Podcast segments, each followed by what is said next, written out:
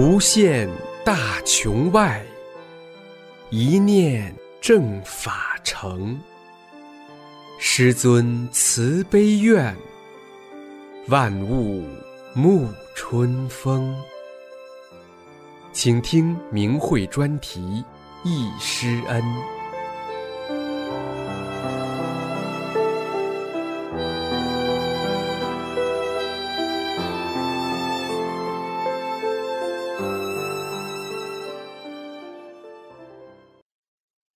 请听明慧忆师恩专题文章，题目是《回忆在师父传功讲法的日子里》，作者长春大法弟子法来。文章发表于明慧网，二零零四年五月一日。一九九二年五月，法轮大法在长春开传，从此宇宙的法理来到了人间，使我们这些普普通通的常人成了大法弟子。回忆当年师傅在长春传功讲法的日子里，是我这一生中最幸福、最开心的时候。师傅说：“我觉得能够直接听到我传功讲法的人，我说真是，将来你会知道，你会觉得这段时间是非常可喜的。”见转法轮。现在我把这些经历写出来和大家分享。一。千里寻师，师在家乡。在九二年金色的秋天里，我见到了师傅，我才真正的踏上了回家的路。人生的经历使我感悟太多。我经历了抗日战争、解放战争、抗美援朝、三反和五反、公私合营、大跃进、反右、四清、文化大革命等，弄得身心疲惫，觉得人活得太苦了。为了脱离这个大苦海，所以我选择了修炼，经常到庙里请些佛经看。为了祛病健身，也参加各种气功学习班。当时我觉得应该拜位名师指导修炼才行，从此开始走上了寻师路。几年间，我先后去过普陀寺、少林寺、白马寺、灵隐寺、法门寺等，还去了峨眉山、乐山。青城山等都没找到我要找的师傅。九二年秋，邻居同修教我练法轮功，并说你要找的师傅可能就是李老师。等李老师回长春时，我们去见见吧。一天，我们一行四人去了师傅家。师傅家在一栋靠路边的楼里，是室外楼梯。当时进屋，看见很多人都站着，师傅也是站着的。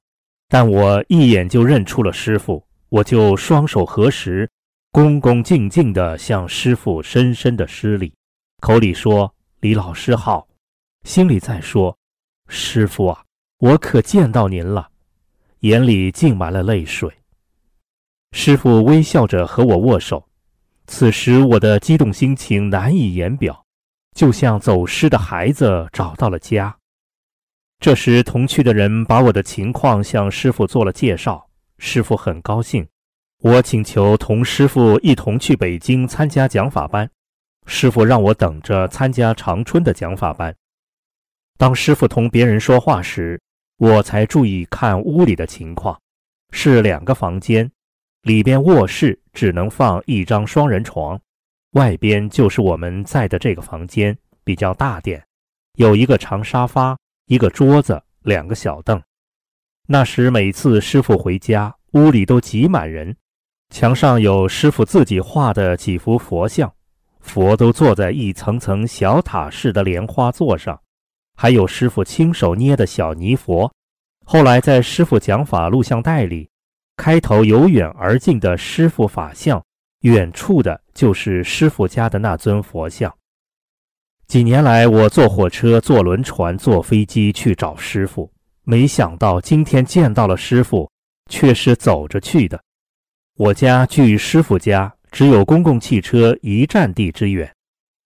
师傅说：“我们修炼界有不少这样的人，一直想要往高层次修炼，到处去求法，花了不少钱，山南海北走了一圈，去找名师也没找到。”有名的名不一定是真正明白的名，结果徒劳往返，劳民伤财，什么也没有得到。这么好的功法，我们今天给你拿出来了，我已经捧给你了，送到你家门口来了。见转法轮。今天我像做梦似的，真见到了师傅。当时我就发愿，随师傅修炼到底，圆满回家。二，在师傅传功讲法班里，到九三年七月，师傅才回到长春，在省委礼堂办第五期传功讲法班。由于当时听法的人很多，紧接着又在吉林大学礼堂办了第六期传功讲法班。到九四年五月。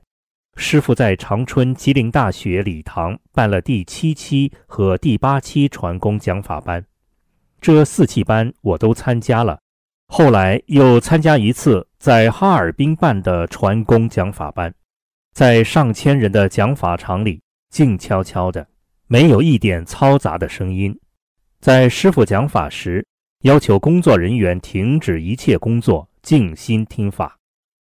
在我参加的这五十节讲法中，师傅都是提前到场，站在讲台里边看着学员入场，所以我就借此时机，请师傅和我们全家照了相。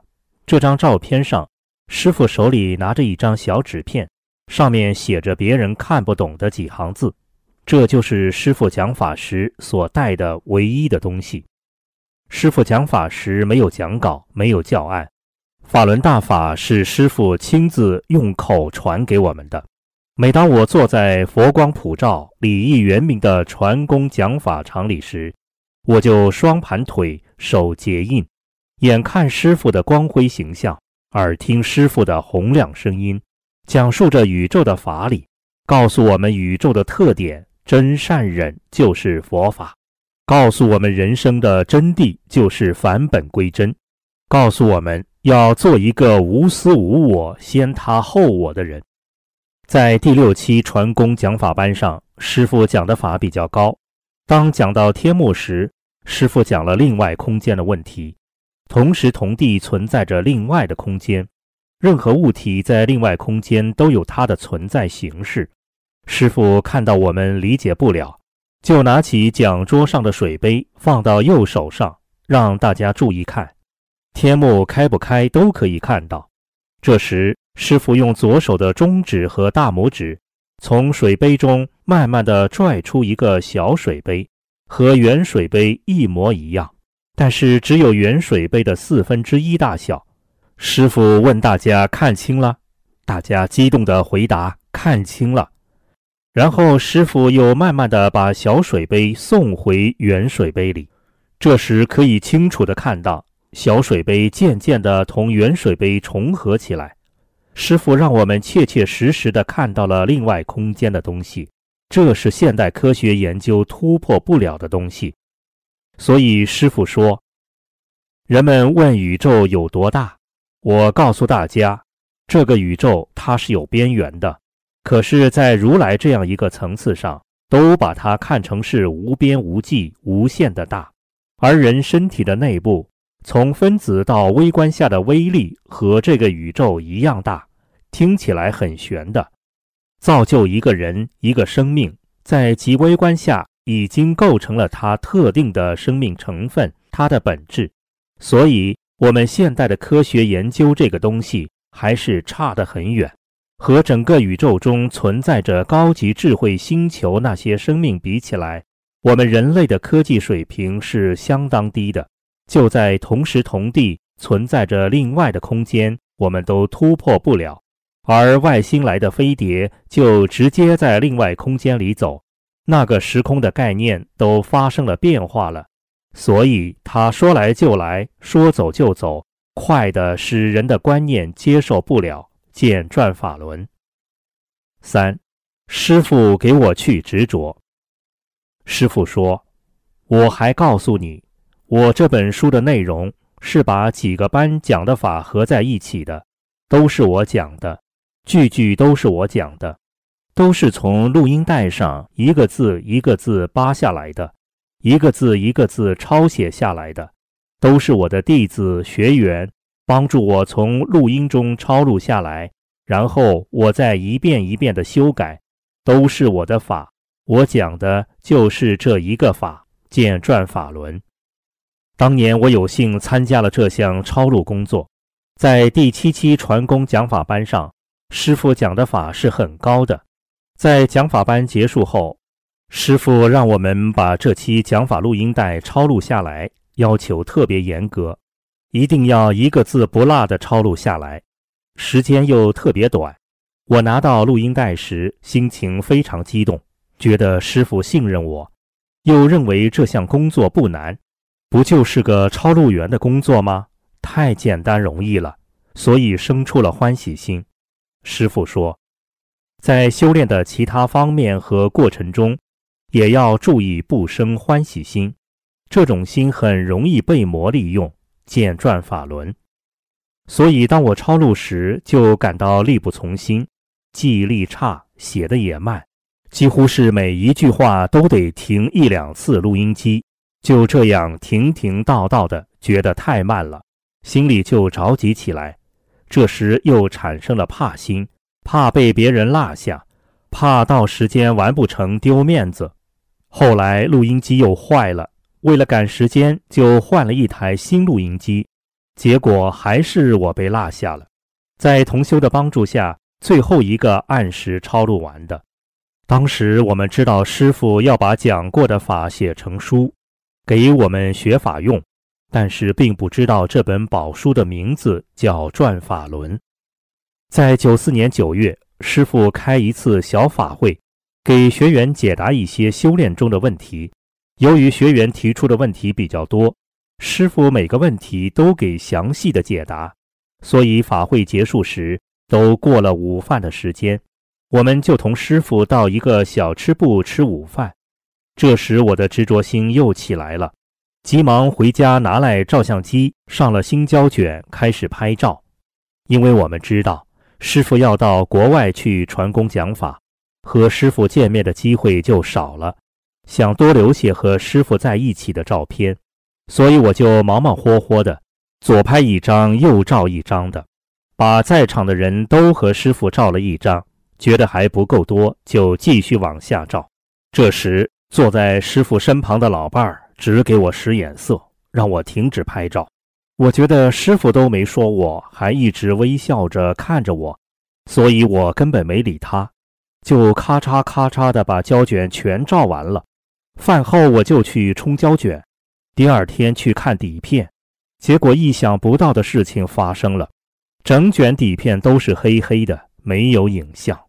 我立刻悟到了，这是师傅给我去执着心，直接在点悟我，这样的佛恩浩荡。我无法用语言来表达对师父的感激和敬仰。时至今日，每当我发现自己有执着心时，当年师父那微笑的面容看着我的情景就出现在我的眼前，使我无地自容，觉得对不起师父，我就会努力去掉执着。在师父的慈悲呵护下，才使我走到今天。我深刻体悟到。只要坚信师父，坚信大法，不打折扣，以法为师，向内找，去执着，不动摇，照师父的话去做，且不走极端，最大努力的救度众生。我想，这就是纵横宇宙的大法弟子。请师父放心，我们家乡的大法弟子一定要担起正法时期大法弟子的重任，做好三件事。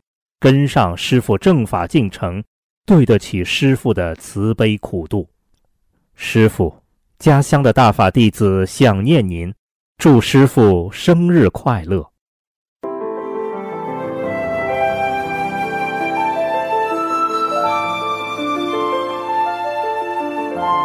您现在收听的是明慧专题《一师恩》。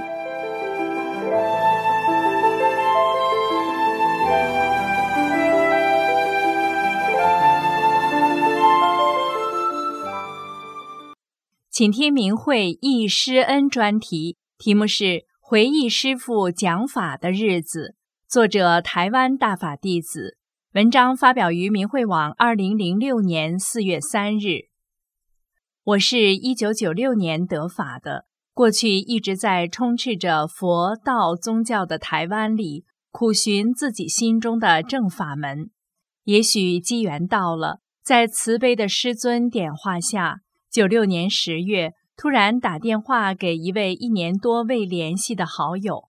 电话中不知不觉提到一些修炼的疑问，有人被我积压已久的许多问题问得招架不住，回答不出，于是就对我说：“我寄一本简体的书给你看，所有答案都在那本书里，你耐着心把它看完，不要随便在书上勾勾画画。”一星期后，我接到了那本书《转法轮》。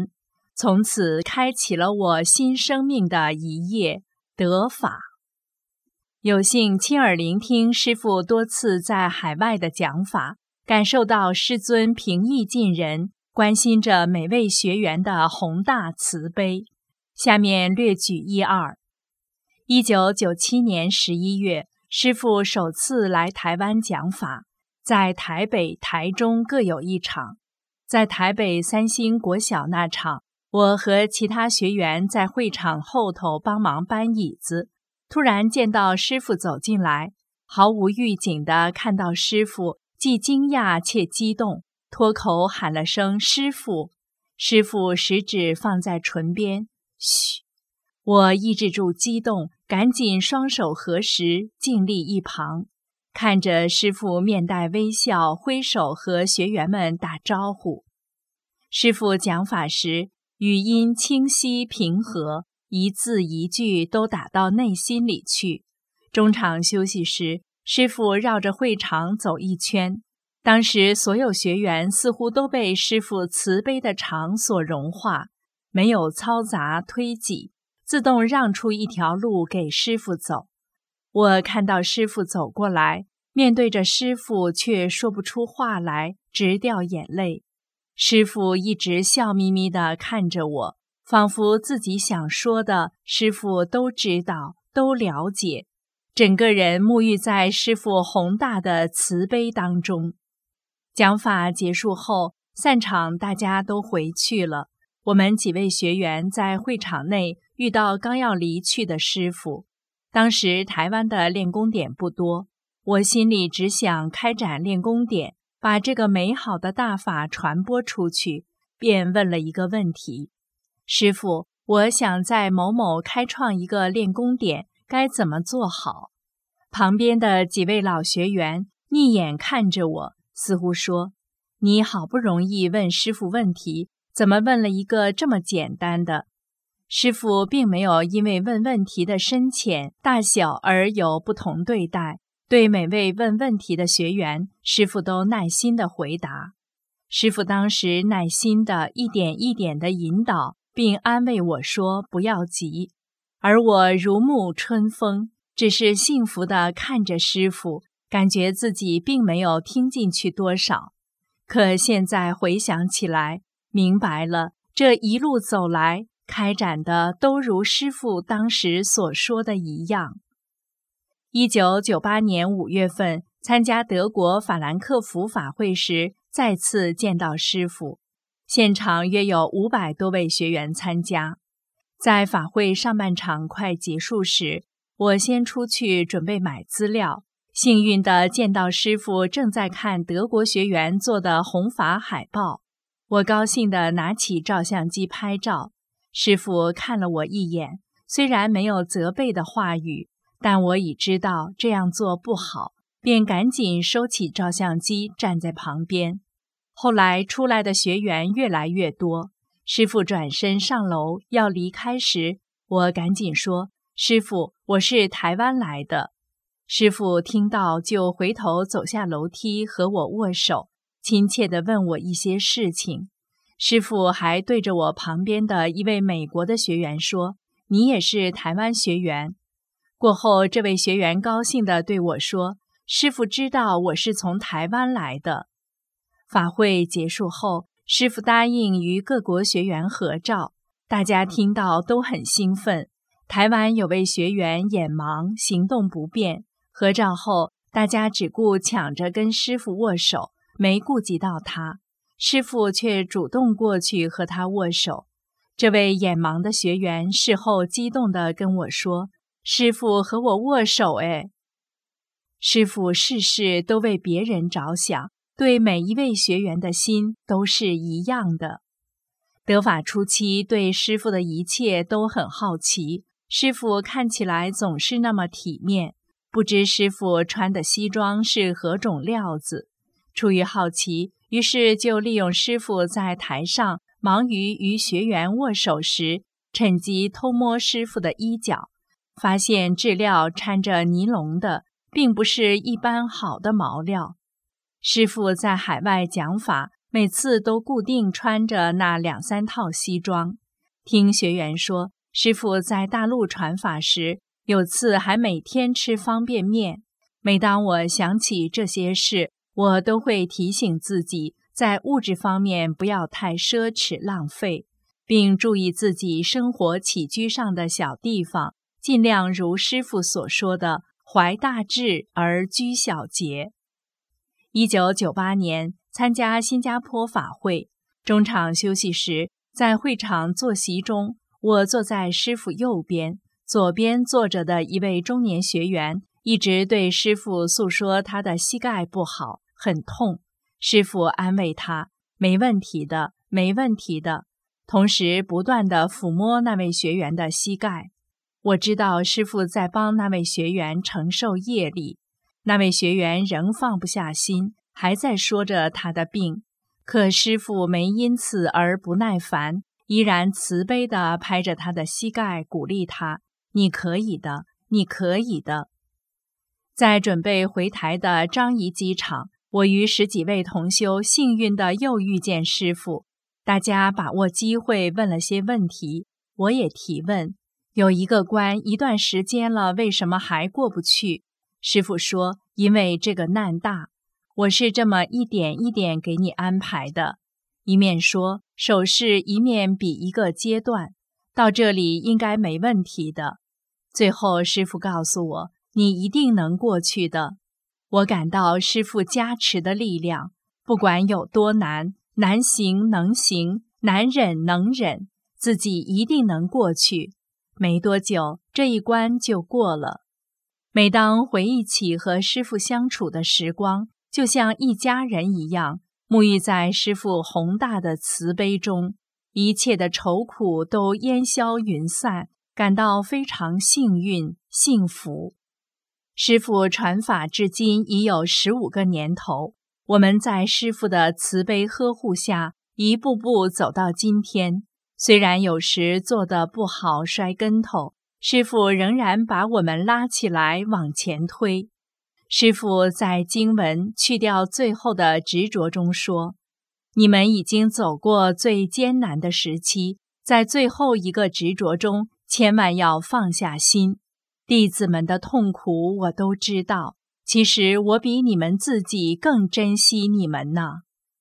敬爱的师傅，我们一定要做好三件事：正念正行，救度众生，绝不辜负您的慈悲苦度。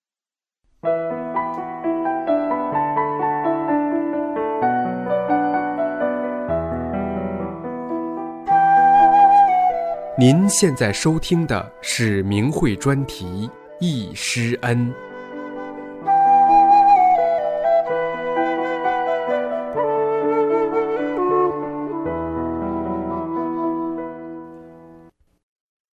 请听明慧《易师恩》专题文章，题目是《回忆师尊在国内传法时的点滴事》。文章发表于明慧网，二零零六年八月十日。师傅忙得一点时间也没有。师尊在国内传法初期，方方面面阻力很大，困难很多。传法中大大小小许多事情，与办班主办单位和气功科研会的联系，大法书籍的出版印刷等等，师尊都是亲自过问、亲自处理。大法第一部书《法轮功》最早连续出版时，找了好多家出版社。都没有同意给出版，后来终于有一家出版社同意出版，但书稿却被编辑改得面目皆非。之后师尊授意工作人员坐在出版社打字员身边盯着，逐字逐句地将被改动之处又重新改了回来。那时，大法书籍的版面是由师尊设计的，练功音乐带也是师尊亲自选定、亲自购买，而后亲自配音录制的。当时制作练功录音带和交工录像带时，因为没有资金。都是通过熟人介绍，请人帮忙，利用业余时间来做。由于经验不足，反复修改了许多次。师尊总是认真的、耐心的配合工作人员去做，从不说什么。师尊当时十分感慨地对弟子讲：“师傅忙得一点时间也没有啊。”那些功回到身上时，师尊感到很累。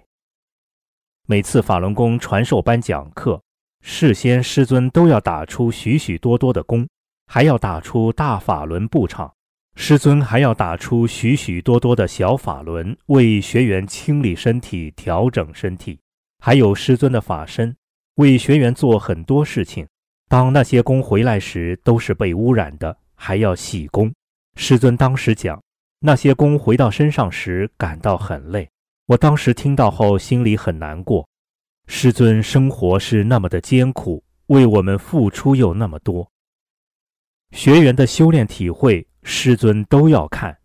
师尊有着无量的大智慧，讲法从来不用讲稿，出口成章。师尊讲法都是根据学员不同的接受能力去讲，尽量使学员明白，真正能够得法。师尊讲法中十分注意学员的思想活动，有时师尊讲法会突然中断，去解释学员思想中解不开的问题。师尊有一段时间住在一位弟子家，外间屋子里空空的，什么也没有，只有一张桌子，桌子上放着过去办公室里常有的那种用铁丝网编的公文框，框里放的是学员们给师尊写的修炼体会。师尊非常关注学员的修炼情况，学员的修炼体会，师尊都要看的。平时时间紧，师尊就在去外地传法的火车上看。那时在国内出版的大法书，有的也是师尊在坐火车时修改的。我们今天能走到这一步，这其中融入师尊多少心血呀！在传法班上，师尊为了给学员进一步调理身体，让大家跺脚。可还没等师尊说开始，有人就迫不及待地跺了起来，只好重新来。师尊讲：“你要学法那么着急，我就高兴了。”晚上从传授班上出来，大家都感到从未有过的轻松。有几个六七十岁的老头老太太也和我们一样，跑着笑着去追赶公共汽车。小姑娘跟着师尊到处奔波。饥一顿饱一顿。师尊的女儿那时上小学三年级，假期从东北来北京玩，来回都是自己一个人坐火车。师尊没有时间照顾她，她有时就住在一位老年女弟子家。该弟子是工作人员，不吃肉也不吃蛋，菜都很少吃。师尊的女儿跟着他走东走西的，生活上的清苦可想而知。有时，小姑娘也跟着师尊一块儿到处奔波，饥一顿饱一顿。学员不走正道，师尊痛心，一夜没睡。师尊传法早期，有两个学员曾跟随过师尊，师尊在生活上给予他们很多帮助。后来，这两人背叛了师尊，带了几个人给人治病挣钱去了，为此师尊十分痛心。整整一夜没能入睡。后来他们给人治病，招来了附体。一次，其中一个人见到师尊，叫了一声“师傅”，师尊就把他身上的附体拿掉了。一九九九年七二零以后，这两人竟然还在电视上攻击师尊。我当时看了后想，要不是师尊慈悲，护法神可能早就让他们到阎王那报道去了。还有一位学员。原本是旧势力安排下来破坏法的魔，但他本人不知道，师尊引导他走上了修炼道路，并且十分信任他，为他创造了建立威德的机缘。他出身卑微，生活困难，师尊还解决了他生活上的后顾之忧。师尊没有做声，就把我的病拿掉了。一九九三年东方健康博览会期间，有一次我站在法轮功展位不远处，身体左下侧隐隐作痛，有点站不住，但我尽量克制着，没有表露出来。这时师尊走过来，轻轻地对我说。你也像他们一样坐在那儿。他们是指法轮功工作人员。我走过去一看，没有空位，就没有坐。可是过了一会儿，我的疼痛消失了，这以后再也没有疼过。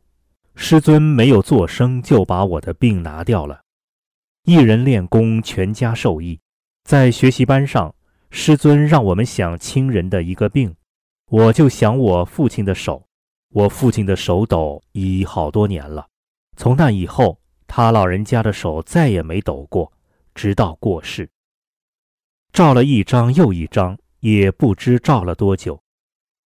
博览会期间，师尊身边一个工作人员听到一个新来的工作人员说想要和师尊合影，小声嘀咕：“我来这么长时间也没和师傅照过相，他还想和师傅照相。”过了一会儿，师尊从很远的地方过来，说：“咱们一块儿照个相吧。”之后就和在场的几个工作人员合了影，还有些为学员做饭送饭的热心人，他们非常想和师尊合影，但又说不出口。师尊知道后，主动和他们合了影，满足了他们的愿望。博览会结束那天，师尊为了感谢学员和主动前来帮忙的热心人。晚上专门请大家吃了一顿饭。主办此事的学员在博览会附近找了一家僻静的小饭馆，吃的是火锅，有羊肉，有大白菜，再没有什么菜了，让自己点主食。我贸然点了饺子，一看大家点的都是杂面条，就赶紧退了回去。大家吃的都很香。等我们吃完了，师尊才匆匆赶来。大家的注意力不约而同地集中在师尊那儿，师尊连吃饭的姿态都是那样的高雅优美，是那样的超凡脱俗，美好无比。还没等师尊站起身，人们就迫不及待地挤到师尊跟前，要和师尊合影，照了一张又一张，也不知照了多久。师尊一直慈祥地看着大家，任大家去照。那祥和，那美好，无以言表。但早期的学员没有上前的。九九年七二零以前，学员和师尊的合影，后来有的被邪恶中共加以拼接，用来攻击大法。看来修炼人所有的情都得放下。师尊在大陆传法期间，留下了无数伟大光辉的形象和业绩。以上只是我所知道的点滴。师尊究竟为众生吃了多少苦，是我们永远都无法知道，也不可能知道的。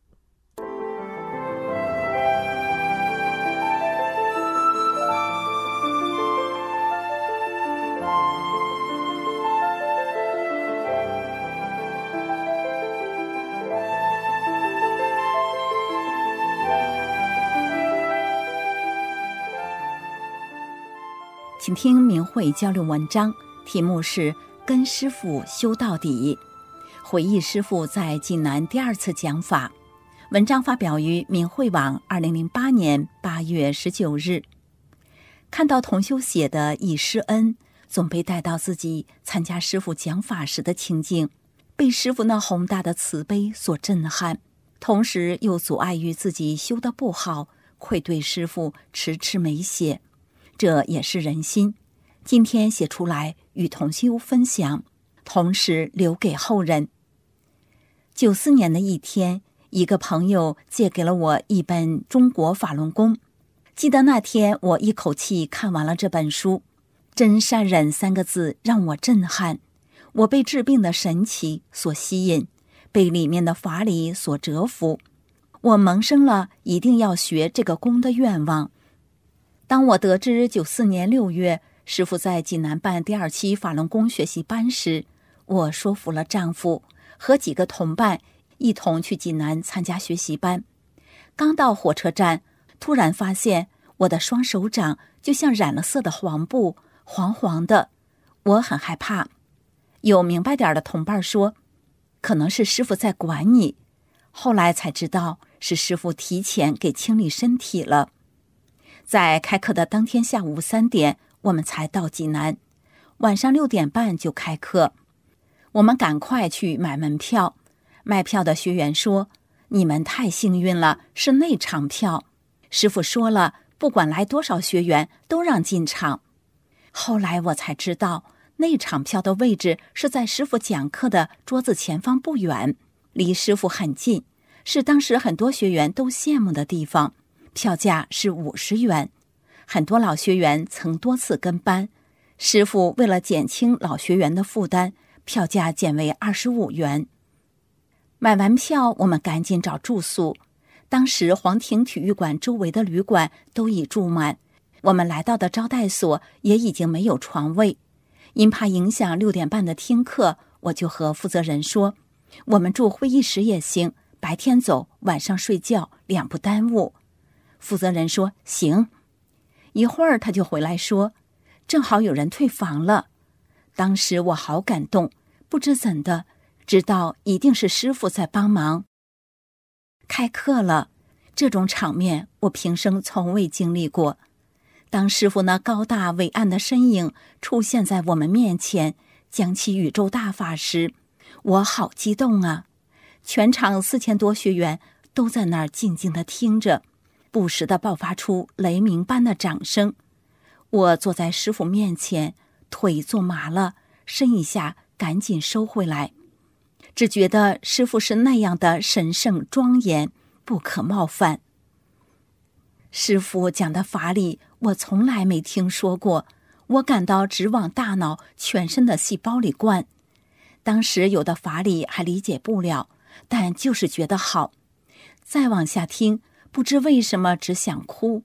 听完课回到住处，我哭了，就像见了久别的亲人那样，大哭了一场。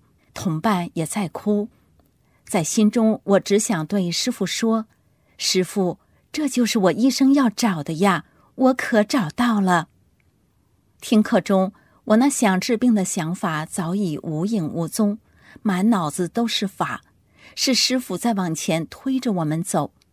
见到师傅后，什么不好的想法都没有了。四千多学员沐浴在师傅的佛光普照中。慈悲祥和，我旁边的一个男学员说：“我身边上都是凉的，其实是师傅给我净化身体时，他感受到了。”第四节课，师傅挥手之间，将在场几千人的身体都调理好了，净化了。那一瞬间，我感到一个物体从头顶下到小腹部位，后来我才知道那是法轮。师傅讲。你从来都不知道没有病是什么滋味儿，今天就会知道。那天听完课回去，我真的感到好像飘出体育馆一样。九四年的夏天，天气异常的炎热。只见师傅今天穿着一件短袖上衣，明天穿着一件长袖上衣。我心中想，师傅功力很高，不怕热。后来才听同修说。师傅只有这两件衣服，而且每天只吃方便面。师傅为度我们节俭、辛劳、历尽艰辛。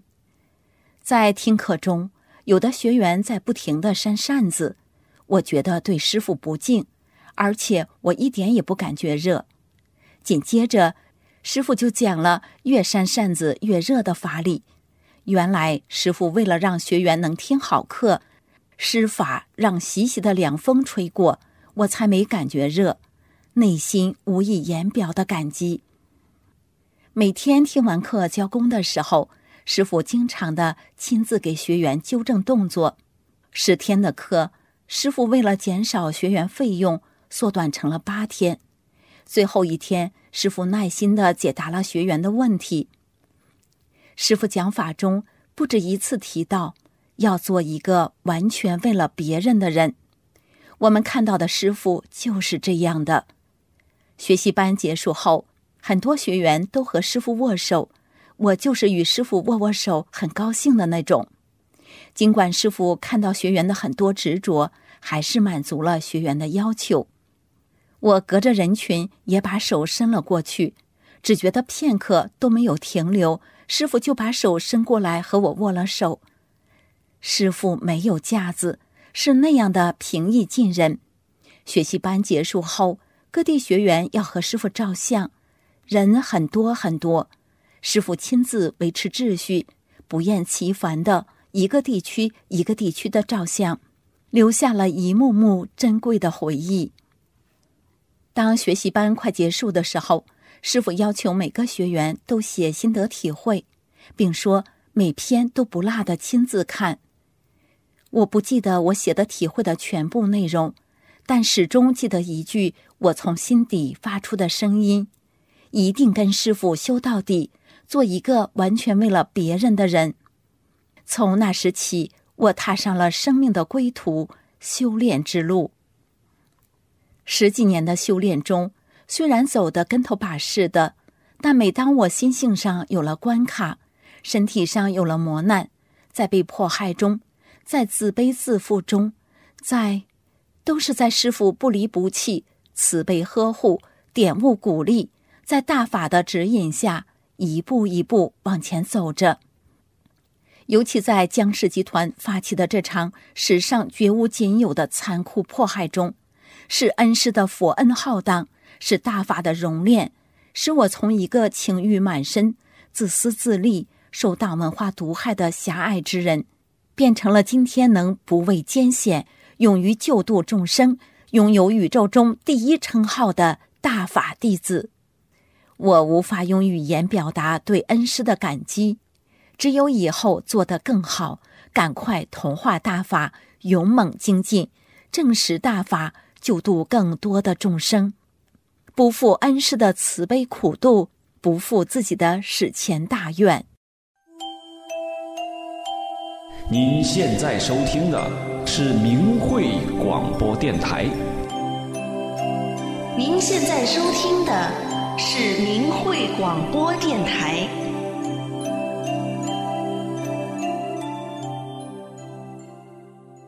请听我们的师傅。继师傅郴州传法的感人故事，作者湖南郴州大法弟子。二零零六年五月十三日来临了，在这个众生欢呼沐浴佛恩的日子里，我们更加想念师傅，多么希望师傅能少一份操劳，多一份欣慰。我是九五年五月得法的老弟子，身为郴州人。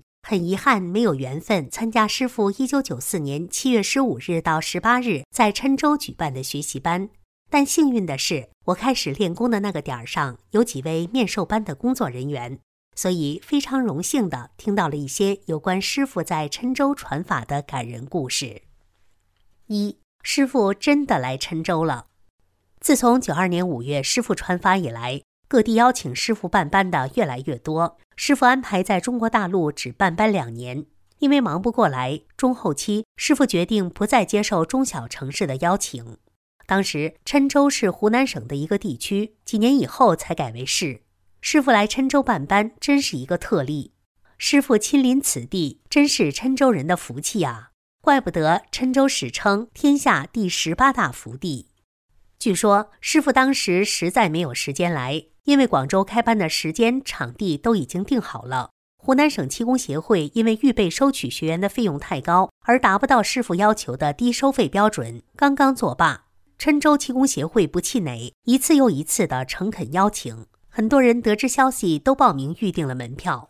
师傅慈悲，百忙之中还是抽空来到郴州举办为期四天的学习班，九天的课四天要上完，每晚都要补课。在这炎热的夏季。师傅的艰辛可想而知。二师傅不知道饿了，因为时间极其紧迫，工作人员老王负责为师傅送饭。奇怪的是，送去的饭师傅并没有吃，师傅有时只吃一个香蕉。师傅对老王说：“你们照顾好自己的生活，不要为我送饭了。”师傅真的不知道饿了。三切开的西瓜几天不坏。郴州的夏天温度很高，有时高达摄氏四十二三度。有个学员买了一个大西瓜给师傅解渴，工作人员把西瓜切成很多块。可是当时大家没记着吃西瓜，切好的西瓜就一直摆在师傅的房间里。学习班快结束的一个晚上，师傅请大家吃这个西瓜，西瓜就如同刚切开的时候那样新鲜。师傅住的简易平房，既没有冰箱，也没有空调，真是神奇。四雨淋不着师傅。一天上完课，工作人员老五送师傅到另一个地方去。天还在下着雨，老五向一个学员借了一把伞，刚要撑开伞，师傅笑眯眯地说：“气功师哪有下雨打伞的？”老五把伞收起来，跟随着师傅在雨中穿行，衣服却没有落下一点雨星。在场的很多学员目睹了师傅的神奇法力。在返回去的路上，老五想。刚刚和师傅在一起不用打伞，我现在也不打伞，结果他全身上下都淋湿了。五师傅的一言一行令人难忘，师傅待人非常平和，不管多忙多累，总是亲切的、不厌其烦的回答学员的提问。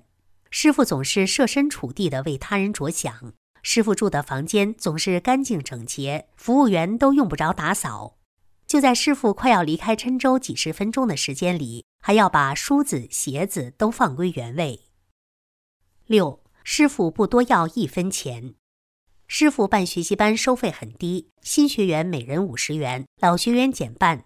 每次收到的钱还要上交一半给主办单位，剩下的一半用于场地租用费、随行人员的生活费等等，也就所剩无几了。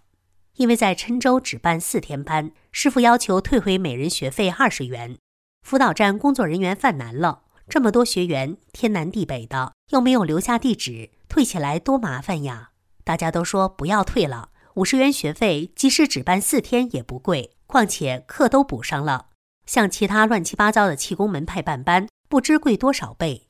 如某某宫第一期开班费一百七十元，第二期要收一千元，第三期就要两千元。越往上就越高，而在法轮功学习班得到的东西是最多的，很多人的身体在班上就调整好了。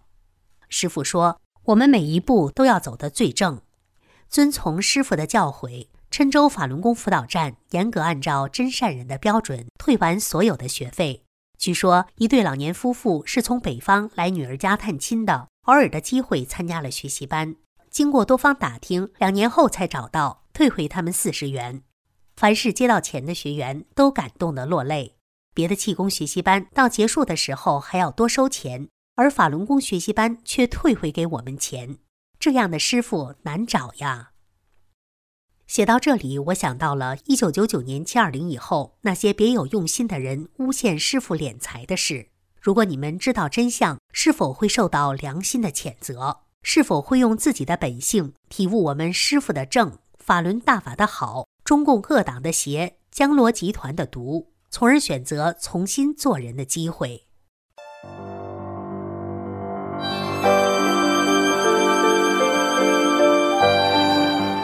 这一期的易师恩就到这里，谢谢收听。